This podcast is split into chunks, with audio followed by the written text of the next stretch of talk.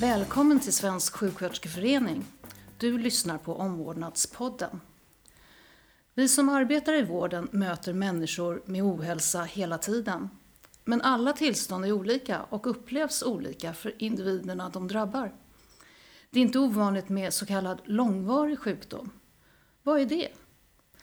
I detta avsnitt samtalar vi om upplevelsen av sjukdom och hälsa och bemötande och om osynliggörande av ohälsa.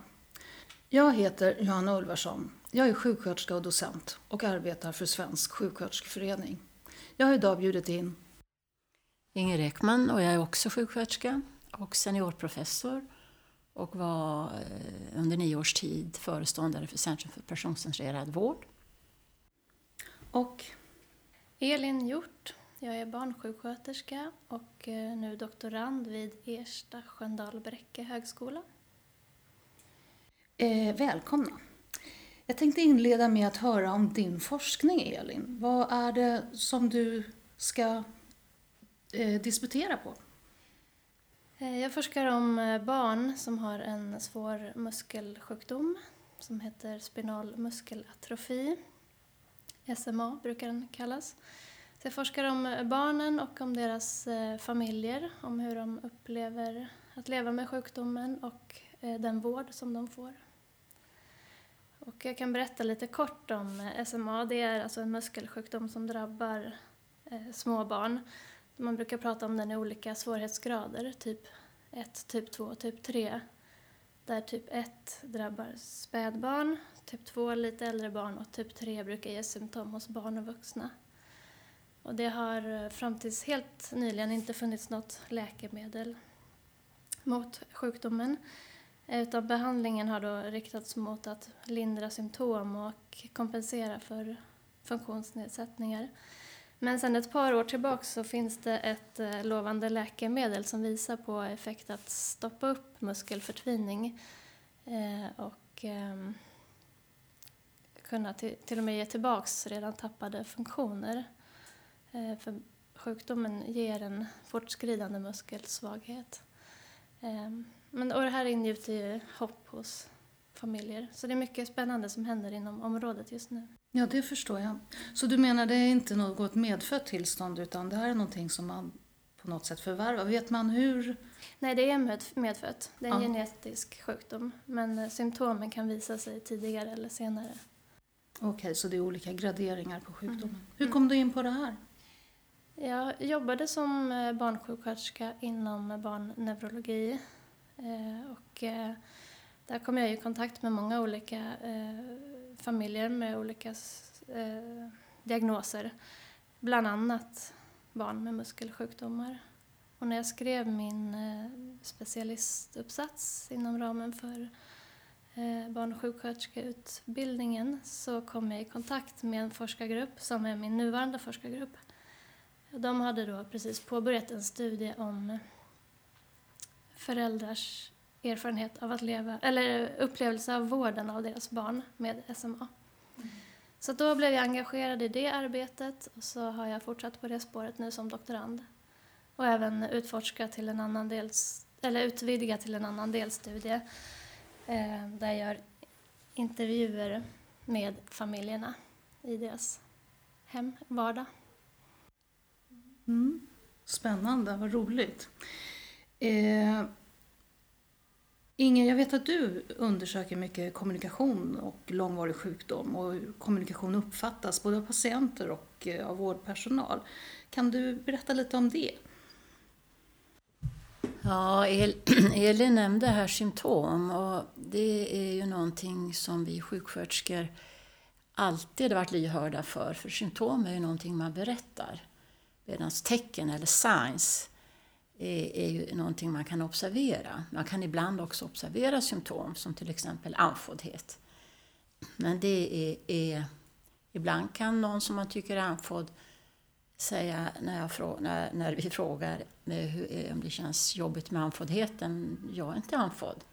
Eller det kan ju röra smärta eller alla möjliga olika saker som, som är obehagligt. Och det har intresserat mig därför att, och inte bara mig utan många andra naturligtvis, därför den medicinska forskningen har inte haft något fokus på det. eftersom det inte kan observeras utan måste berättas. Och jag har varit särskilt intresserad av hur, hur kombinationen med det man berättar och eh, det eh, som sker i kroppen, så att säga. Till exempel vid hjärtsvikt, som har intresserat mig, kronisk hjärtsvikt i många år, hur man upplever det och varför eh, man mår på det ena eller det andra sättet.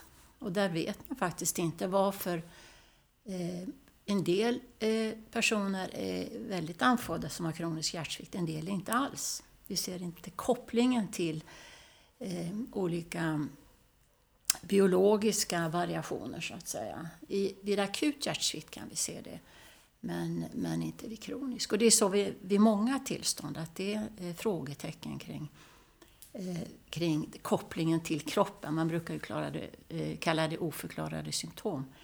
Och det är minst hälften av alla som söker på våra akutintag som får just eh, diagnosen oförklarat. Man kan inte förklara sig. Så att visst, jag håller med om visst är intresserad av kommunikation, men det är just att man berättar ju. Mm. Och det är det jag tycker, både för vår yrkesgrupp som sjuksköterskor och eh, som forskare, att det här är, är spännande. Ja, verkligen. När du, när du säger att det inte finns någon koppling då mellan eh, biologiska eh, fynd och eh, de här berätt är det, handlar det om berättade symptom eller symptom som du ändå kan eh, mäta och observera som sjuksköterska?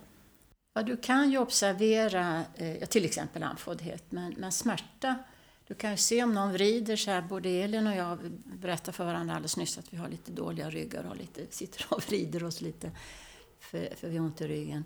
Men generellt sett så är det, är det ju något som man berättar om. Man kan ju ha en bedrövlig rygg på röntgen och ändå inte ha ont. Nej. Och förr i tiden kunde vi ju läsa i journaler att eh, patienten säger sig ha haft smärta så och så länge. Det är inget vi kan veta, det är något som är berättat. Men det, det är ju det som är anamnesen, den medicinska anamnesen. Eh, symptoms and signs. Man delar upp det tydligt i den medicinska journalen på ett sätt som, som inte vi av tradition har gjort. Men eh, vi, i forskning har vi gjort det mm. då, emellertid. Ja. Och då kommer man ju osökt in också på när sjukvårdspersonal eller sjuksköterskor går in som proxy och företräder eh, patienten och eh, beskriver för andra patientens upplevelse så kanske man som sjuksköterska läser in väldigt mycket i eh, en sjukdomsbild som man har förutfattade meningar om ska innebära till exempel smärta som du säger och andfåddhet. Och hade man frågat patienten själv så kanske den då inte sa så. Eh, har jag uppfattat det rätt? Ja, det stämmer precis. Det finns ju olika skattningsskalor och sätt att bedöma svårighetsgrad vid långvariga tillstånd. Till exempel hjärtsvikt som jag kan bäst. Någonting, där används något som heter eh, New York Heart Association Classification. Man brukar förkorta den nya skala mellan 1 till 4. Och då är det att man bedömer hur, hur pass patienten orkar gå. Man tar in lite granna objektiva data som ejektionsfraktion eller någonting sånt där. Men, men i stort sett är det en så kallad klinisk bedömning. Och då har flera studier visat att det här stämmer inte utan vi tenderar att, att bedöma patienter liksom som, som eh, mer sjuka än de själva bedömer sig eftersom och jag ska inte säga sjuksköterska utan jag tänker på studier så är det läkare också som eh, främst har bedömt svårighetsgraden av, av hjärtsvikten till exempel. Där patienter säger själva att jag mår ju riktigt bra. Men objektivt sett är det inte så bra. Men det är ju spännande för det har också visat sig att den som säger det, jag mår ju fin, fint, lever längre. Det finns studier också som har visat. Mm. Trots att de har alla de variabler som eh, kännetecknar svår sjukdom och döden inom en snar framtid så har man följt över tid och funnit just det här som jag tycker är intressant. Ja, det är jättespännande. Elin, eh, dina patienter då, de här barnen som du följer, eh, vilka symptom brukar de ange som särskilt ja, viktiga, tongivande, besvärliga? Jag har inte, det har inte jag studerat direkt, vilka symptom barnen. Ehm, har eh, och tycker det är mest besvärliga. Men, men jag har ju bland annat gjort en studie till, eller där föräldrar har fått ge råd till vårdpersonal. Ehm, och då har det kommit upp, det, jag kopplar det lite till vad du säger det här med kommunikation, mm. att det har varit en väldigt viktig eh, viktigt område som föräldrarna har betonat, vikten av en god kommunikation och ett gott bemötande från vårdpersonal. Eh, att det är så oerhört viktigt. Eh. Och det är kanske det du menar Johanna, att, att många sjuksköterskor kan ju utveckla och gör det, en, en lyhördhet mm. för, som, nästan som föräldrar. Även om man inte känner patienten sedan lång tid tillbaka, att man blir skicklig att, att lyhört lyssna och, och förstå och koppla ihop det också med de här biologiska faktorerna. Men ta, ta, alltså fästa vikt vid det som den enskilde patienten ja, och tillsammans med. Det var precis sådana saker gav vi föräldrarna som råd att men lyssna på oss, lyssna på oss som experter, mm. Eh, visa hänsyn, visa respekt, visa empati. Och det är ju på ett sätt eh, uppmuntrande att det är en så pass enkel sak som inte kräver resurser i form av tid eller pengar som är så viktig. Mm. Men eh, samtidigt så kan det ju vara svårt att som vår personal ta till sig ett sådant råd för att det, det kan ju vara svårt att ändra beteenden. Men jag tänker att man tror inte det är så viktigt heller kanske. Nej, Men precis. det är avgörande i många situationer. Exakt. Det, jag tänker det, om man har medvetenhet kring hur viktigt det faktiskt är så kanske man kan påminna sig själv om, om hur man är i mötet med patienten. Jag kan ta ett exempel. En, en eh, närstående till mig, en, eh, en ung man, eh, bara 35 år, det är ungt i mina ögon, sökte på akuten för han fick en blixtrande huvudvärk och bedömdes på vårdcentralen som misstanke på subarachnoidal eh, hematom då och skickades till akuten då där han väntade och väntade och väntade i många, många, många, många timmar. Eh, men upplevde inte att han fick någon respons alls eh, ifrån personalen. Man tittade knappt på honom eller eh, talade med honom. Eller så. Han fick göra CT-skalle och eh, LP och sådär. Men eh, han sa sen, när han berättade, det hade det varit okej okay att vänta de här 18 timmarna om någon enda hade satt sig ner och sagt, hur känner du egentligen? Det här kan ju inte vara något vidare. Eller, eller visat att man bryr sig.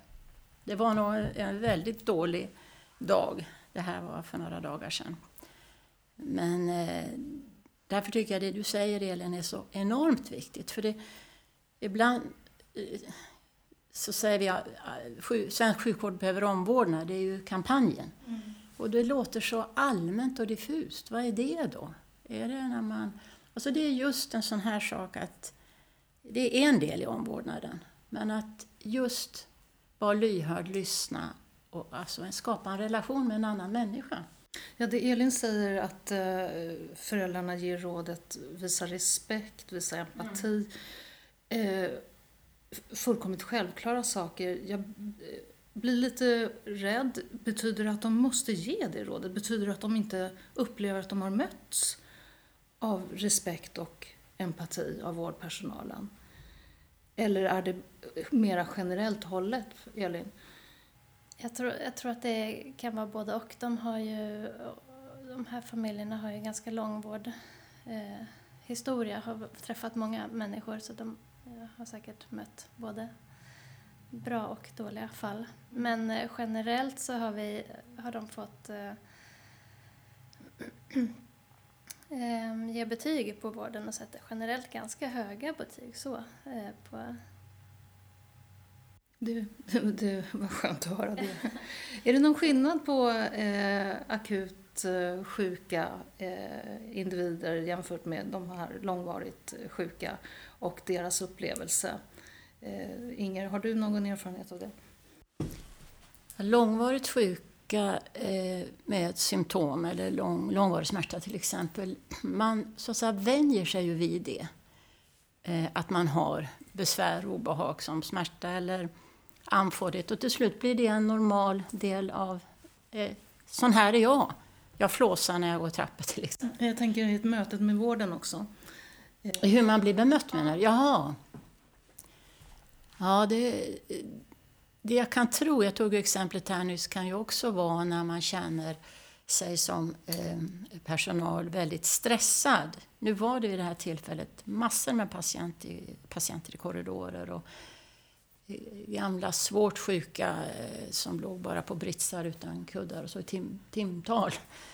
Eh, och då kan väl det skapa stress och eh, göra att man inte känner att man hinner helt enkelt ta sig den tid som behövs i, en, i ett akut sammanhang.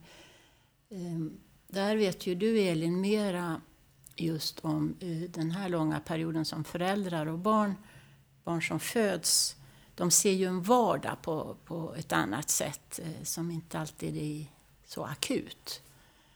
Om det skiljer, eh, det kan hända att man skapar, jag tror att just att skapa en relation och att man känner personalen, eh, de olika sjuksköterskorna, läkarna, undersköterskorna och så vidare.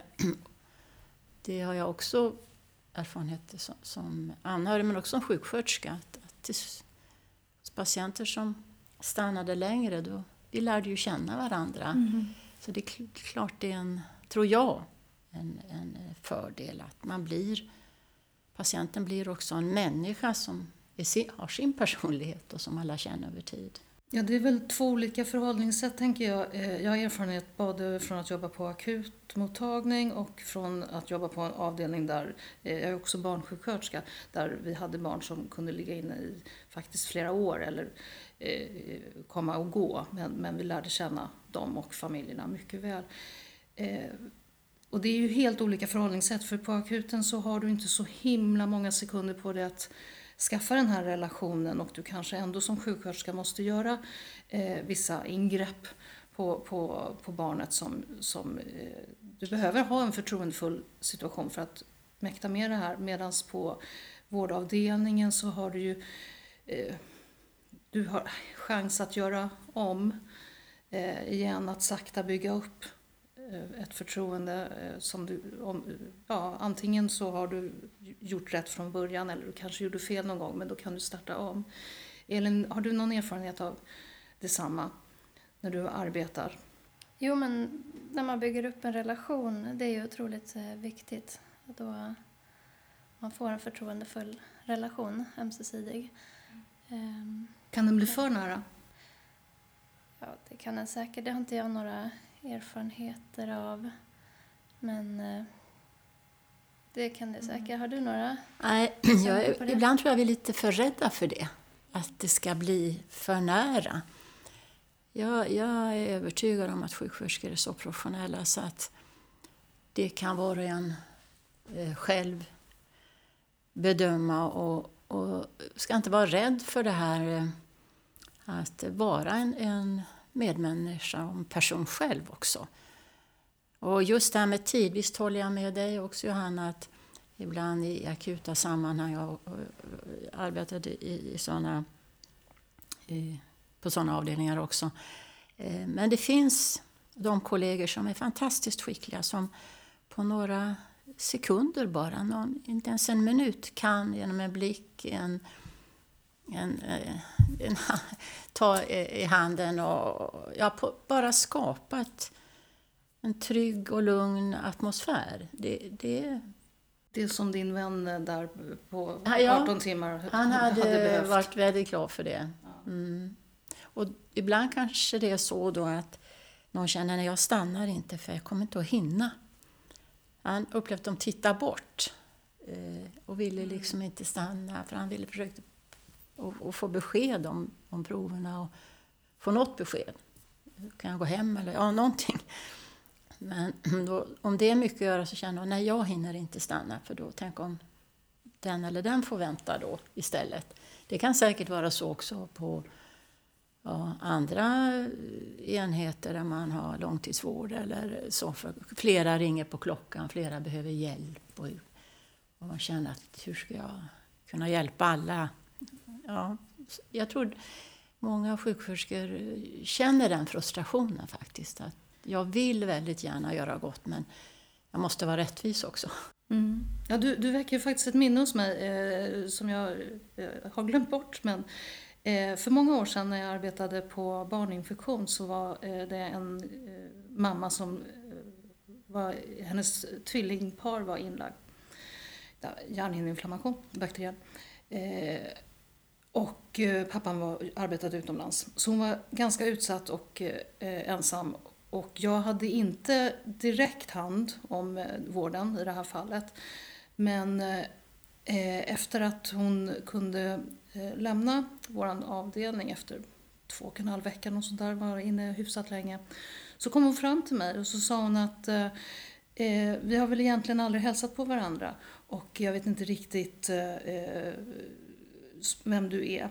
Men varje gång du gick förbi mitt rum, det hade glasväggar, eh, varje gång du gick förbi mitt rum så tittade du på mig och log. Och det gjorde hela skillnaden. Och det var ingenting som jag själv var medveten om. Men nu när du berättar det här Inger så eh, väcks det här minnet. Den där lilla. Precis, det är exakt så det jag menar. Jag blev ju påminn nu när, nu när jag hörde det här, då bara häromdagen. Eh, och han sa också det, om någon bara hade tittat och liksom, eller någonting. Mm. Och det, de här små eh, sakerna som vi kan påminna oss om. Jag tänker, eh, nu på senare år så har det vuxit fram en ganska stark rörelse av eh, patienter som vill ta makten över sin egen sjukdom, vård och hälsa. Spetspatienter bland annat då, men andra grupperingar också.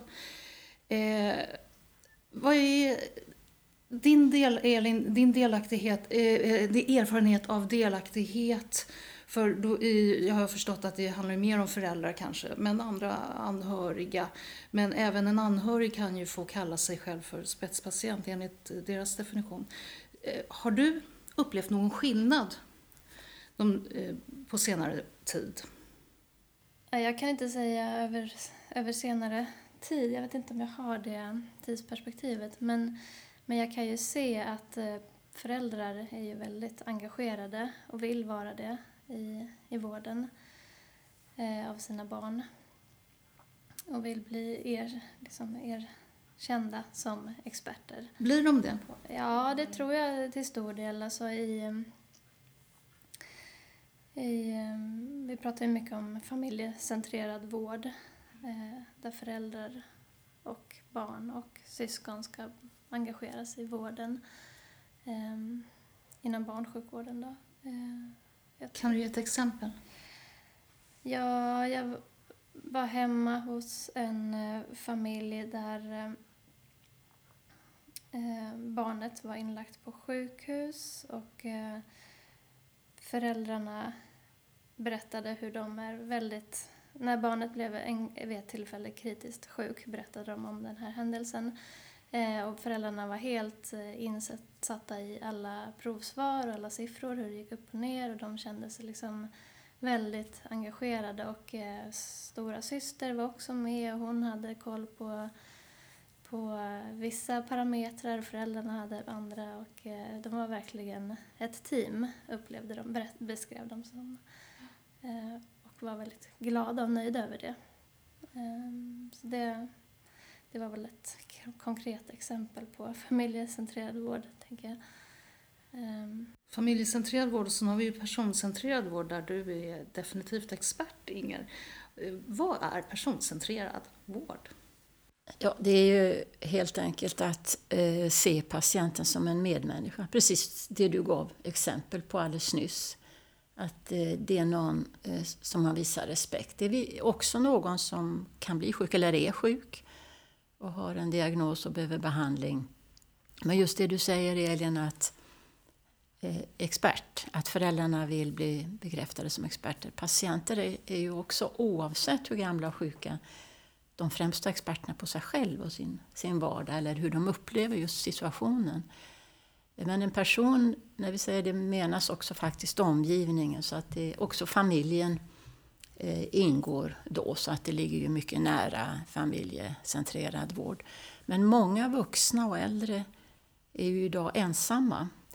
Så att eh, eh, där blir just den här relationen eller partnerskapet som vi talar om att, Att vi tillsammans blir ett team, patient närstående och jag som sjuksköterska och andra eh, i, i eh, professionella också naturligtvis, men att vi tillsammans eh, Eh, resonerar och gör någon plan för kanske någon, bara den dagen eller, eller längre tid om det är på äldreboende och så.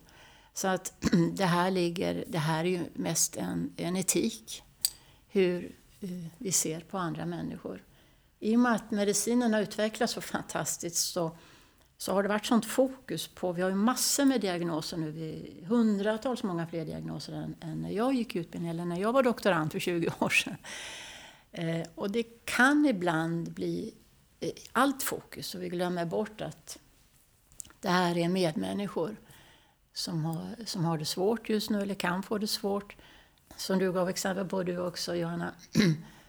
Så att eh, vi har ju kunnat eh, då i, i flera studier visa att just det här som vi beskriver som omvårdnad har en otroligt stor betydelse för hur jag mår. Och om jag får känna att jag får vara med, jag är också en expert. Även om jag är lite grann demenssjuk eller även om jag har mycket svår sjukdom så måste jag få vara med.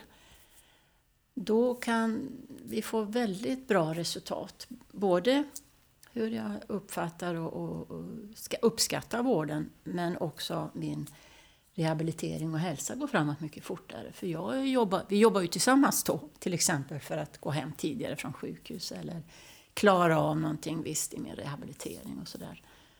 Så jag tycker det är fantastiskt roligt att se. Vi hade inte väntat oss att det är så pass kraftfullt, men vi människor vi kan ju flytta berg mm. om vi får chansen.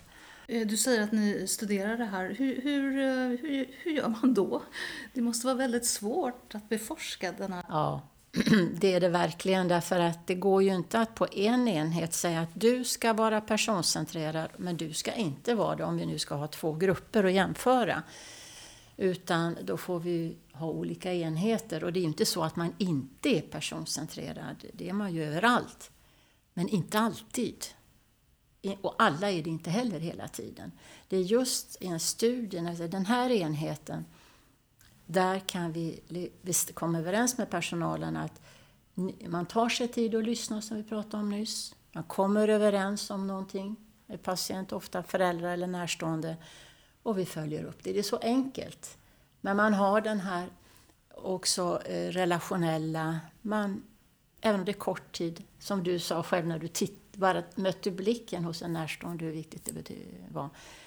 Och då jämför, man, jämför vi med den gruppen i en annan enhet där vi inte alls, de får ju också personcentrerad vård då och då säkert, eller ofta, det beror på hur det är. Men när vi systematiskt på en enhet kommer överens med personal att detta ska alla få, alla patienter. Det är då vi får resultaten. Men jag håller med dig att det är komplicerade studier och besvärliga på många sätt. Men vi har gjort över, över 20 nu. Så det är otvetydigt så att eh, det, det vi har i vår, i, inom vårt yrke som, en, som vårt huvudämne är oerhört betydelsefullt. Det ska vara lika imperativt som Ja, det kanske... Det, I alla fall har det varit så under mitt yrke att ska man ge en injektion så skall den ges. Man får en ordination och det görs. Men det ska vara lika imperativt med det här. Det är lika viktigt att, att ge omvårdnad på det här sättet systematiskt, alla, hela tiden. Och det är ju ett stort ansvar hos var och en av oss och inte minst hos chefer och arbetsledare. Hur, eh, Elin, hur gör du när du mäter eh, i dina studier och, och, och, vad mäter du? Hur presenterar du dina resultat? Jag har ju mätt, jag har inte mätt så jättemycket. Vi har gjort en enkätundersökning eh, och där har föräldrar fått svara på frågor om, om vården. Sen har jag gjort mer kvalitativa intervjuer om upplevelser och, eh, och då får man ju presentera på ett annat sätt. Eh, allting går ju inte att presentera med siffror, tänker jag. Eller det kanske går, men det kanske inte ger data rättvisa. Kanske inte ger svar på den frågan som man egentligen ställer om man då som jag är ute efter upplevelser av en situation. Så då får man ju... Eh, När du gjort de här studierna, kategoriserar du då eh, hur många, till exempel om du intervjuar om upplevelser, hur, hur många ingår i ditt, eh, ditt material? Jag har gjort en eh, intervjustudie, där har jag intervjuat, eh, det har varit fyra familjer som har varit med i datainsamlingen. Eh, det är alltså narrativa studier. Ehm, eh, och, då, och sen har jag gjort då har jag gjort intervjuer och eh, observationer som en kombination. Och en, en artikel då som jag skrivit, den har vi plockat ut två av de familjerna så att det är två familjer som är med i den. Är det två familjer som är väldigt lika eller är det två familjer som är väldigt olika? Ehm, de är det är, inte, det är inte det vi har gått på egentligen, Nej. och plockat ut dem utifrån om de är lika eller li, olika, utan de har berättat ett rikt narrativ och eh, jag har fått rik data. Eh, så det var därför vi valde ut de två. Men går det att generalisera? Nej, utan eh, det pratar man inte om att generalisera när man gör sån kvalitativ data, utan då beskriver jag att så här ser det ut för de här familjerna och sen så är det upp till, till läsaren att kunna avgöra om, om det går att applicera på, på, på den kontexten som den kanske har. Mm. Så att jag beskriver hur, hur det ser ut för de här familjerna. Det är ju viktiga studier det här. Nu gav jag exempel på just eh, att jämföra med kontrollgrupp, men parallellt gör vi också den här typen av, av studier där, där vi intervjuar och följer över tid. Och det är ju väldigt viktigt. Vad är hindren? Var, varför gör vi inte som vi vill till exempel? Varför är det så svårt med den här vården? Så att vi måste få eh, de här mer komplexa eh, svaren så att säga. Inte bara ja, och nej eller i enkäter Nej, och så. så att, eh, Allting går ju tillbaka till vad man har för forskningsfråga. Hur, ja. hur ska man få det bästa svaret på den här frågan? Hur man... Precis. Jag tror man behöver eh, flera olika typer av metoder när det gäller viss, ett visst område. Men det är ju, jag hörde någon sa att just den här kvalitativ, alltså det här med intervjustudier, det är redskap att tänka. Jag kan ju som behöver ju inte vara forskare, men så läser jag kan ju läsa en vanlig tidning, en intervju med någon skådespelare. Och Jaha, alltså hon tycker så, alltså det var så. Det är ju lite, det är ju inte den systematiska analys som man gör i forskning, men det är ändå erfarenheter som eh, vi är intresserade av. Och inte minst när det gäller patienter och patient och föräldraupplevelser. Men det ligger ju inom den genren att, att förstå hur andra har det. Och då, då är den, de metoderna definitivt av stor vikt också. Dina patienter, Elin, eh, upplever du att de är synliga eller osynliga ute i samhället? De har ju varit väldigt osynliga. Den här patientgruppen eh, tillhör ju en, en grupp av ovanliga diagnoser. Eh, och inom forskning så är de ganska osynliga. Man har inte forskat så mycket tidigare. Samhället. Det, det beror ju på om det... Nu har, när, I och med den här nya medicinen som har kommit så har det varit en del i massmedia, dokumentär och lite, eh, det har varit intervjuer både i tv och radio. Så då har det, det har blivit, fått uppmärksamhet de senaste åren, just den här kring SMA. Men eh, Finns det annat man kan göra för de här grupperna som du möter då när det gäller hälso och prevention och eh, den typen av insatser som vi sjuksköterskor också arbetar väldigt mycket med? Är det någonting särskilt som, som man brukar ge dem som råd att det här är viktigt för er att i synnerhet innan medicinen kom, eller läkemedlet kom. Mm, jag vet inte, jag kommer inte på någonting att säga. Nej. Eh. Utan de lever utifrån sin egen förmåga och eh, vardag som alla andra. Jag tror att de får ganska mycket stöd av eh, varandra. Många familjer söker stöd hos, hos andra med liknande erfarenheter. Man utbyter erfarenheter. Jag tänker, Inger, om man tänker på en äldre då, eh, för Elin forskar ju mest på barn då och mm. om vi pratar om individer som är, säg över 70. Mm. Hur ser det ut där med prevention och hälsorelaterad det insatser och, och det där som... Mm. Ja. ja, det är ju stort intresse för det i, i hela befolkningen. Både hos, hos gammal och ung, men nu talar vi också mycket om nära vård. Mm. Att man ska få vara hemma och få stöd och hjälp hemma. Så det kan ju då handla också om att hur kan vi eh, förhindra till exempel sjukhusinläggningar? För om man är 70, 80, 90 år och ramlar så kan ju det vara förödande. Man blir inlagd och, och ibland kommer kanske aldrig hem till sin bostad igen. För att det ena ger det andra. Det tar tid att läka, det tar tid att rehabiliteras och så.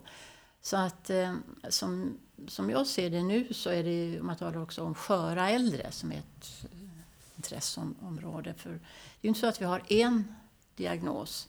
Jag säger vi, men den som är äldre behöver inte vara så, så lastgammal så kan vi idag få flera diagnoser. Och är, är man över 70, 80, 90 år så, så har man flera diagnoser. Det är ingen tvekan om det och då måste vi se helheten. Det har varit ganska uppdelat i till exempel hjärt-kärlsjukdom, cancer, rörelseorganets sjukdomar och så. Men en gammal människa kan ju ha alla tre. Man får cancer när man är lite yngre, sen får man hjärt-kärlsjukdom och sen så ramlar man och sådär. Så att eh, just det promo, hälsopromotiva handlar ju mycket om att kunna få vara hemma och leva som vanligt så länge som möjligt. Och där ingår naturligtvis ett hälsosamt liv, både när det gäller kost och rörelse och så som, som vi alla tar del av nu. Det gör, det gör ju ung som gammal. Men jag tror att det är viktigt nu att stödja eh, den som, som vill leva hemma. Men också att samtidigt få kontakt med andra. För ensamhet är ju ett stort lidande för många, inte minst äldre, som änkor eller änkemän. Så där, där, vi har en studie som, som vi precis sätter igång och, och andra har gjort liknande för oss, att hur kan vi kanske med digitala resurser eh, öppna upp ett fönster för omvärlden till olika, dels att man får råd som man kan lita på, det kan man ju inte alltid om man googlar, man kan få massa saker som inte är är säkert vetenskapligt, men det finns där ute. Det kan vi hjälpa till att hänvisa till sådana länkar, men också hur kan jag ladda ner filmer eller kan jag, finns det någon sajt så jag kan få en kompis eller en dejt eller liknande. Att öppna eh, upp världen för den som, som inte är så van vid det här eh, digitala livet som, som yngre här utan, utan vidare tar del av. Så jag tror vi har många vägar in att, att stötta eh, och, och, stärka eh, både gammal och ung, men, men särskilt äldre, att, att må bra lite längre och, och inte behöva eh, vara institutionsboende utan man kan bo i sitt hem men ändå få kontakt med, med andra som jag nyss nämnde. Men det finns ju också, jag vet i vårt bostadsområde, där är det dopp i kopp. Varje onsdag så är det ett stort gäng som dricker kaffe. Och de eh, går också på måndagar och eh, promenerar i Slottsskogen som vi har i Göteborg. Och där är de uppåt 100 år, flera stycken.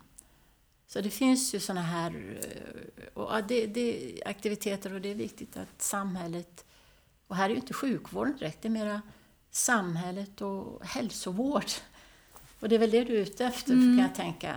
Att vi måste, och det intresserar sig ju väldigt många av oss sjuksköterskor för, och har alltid gjort. Ja, precis. Att få ihop också civilsamhället mm. med, med uh, hälso och sjukvården och omsorgen. Mm. Att kunna bygga över de här gränserna.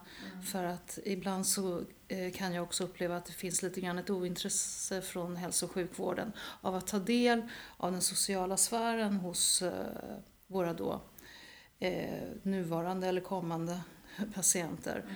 Eh, vilket jag tror är ett misstag. Mm. Elin, hur, hur ser det ut med social media i dina patientgrupper?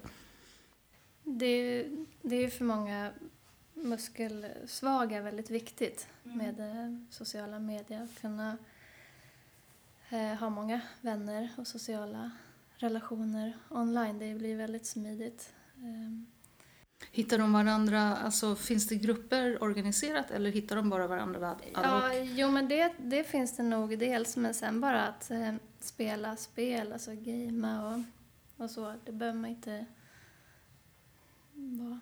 Jag tror inte kanske att behovet finns alltid att prata med andra i en liknande situation, utan bara vänner generellt. Det kan vara viktigt. Du menar att man kan komma i kontakt? För jag har också förstått det att ungdomar, ja jag har en kompis, men det är en spel. De kan bo Ja, någon annanstans. exakt. Ja, och då är det en kompis. Alltså det är det jag menar också med den här gamla gruppen. Jag tror många har de inte upptäckt de här möjligheterna och det är kanske inte alltid spel är det som lockar dem. Det vet jag inte riktigt ännu, men vi behöver ta reda på. Jag, jag, jag ser det som att öppna fönster, öppna fönster till världen, till livet. Jo men precis, och det vet vi ju, sociala nätverk är ju jätteviktiga. Och sen om man har dem rent fysiskt eller på något annat sätt kanske inte är det viktigaste. Mm. Ja, precis. Jag har läst någonstans att eh, Facebook tas över nu av den äldre generationen, folk över 65-70 och den unga generationen, folk under 25, är där överhuvudtaget inte alls för att deras farmor är där. Eh, och det är ju jätte, jättespännande, men precis det du är inne på Elin, när den äldre generationen dessutom upptäcker att de kan ha likasinnade i USA eller Indien eller Australien som de kan, om de sover dåligt på natten så kan det bara kolla för den andra är vaken ändå. Eh, det är ju en utveckling som, eh, det finns säkert redan men jag tror att det är rätt väg att gå för att eh, minska den sociala isoleringen. Eh, jag tänkte att vi skulle sammanfatta dagens podd här. Eh, vad jag har förstått så har människor oavsett ålder behov av att bli sedd. Replik på det Elin? Ja, ja det, det har alla behov av oavsett ålder. Och eh, kanske framförallt om man är som, eh, som patient i en extra sårbar position så eh, då har man kanske ett extra stort behov av det. Mm. Ja, jag gillade ditt, eh, din berättelse från förr när du alltså inte ens gick in i rummet utan du bara gick förbi och det var glasruta. Det lilla, vi glömmer att det är så lite som behövs egentligen. Vi ska inte vara rädda för det. Vi kan starta med att testa det på våra respektive arbetsplatser. Att eh, så att säga, våga möta blicken, småle eller tummen upp eller, eller vad det nu kan vara bara några sekunder. Och så tar vi det mer och mer vidare. Jag ty- tyckte det var jättefint. Tack så jättemycket. Tack för att ni medverkade. Tack. Tack så mycket.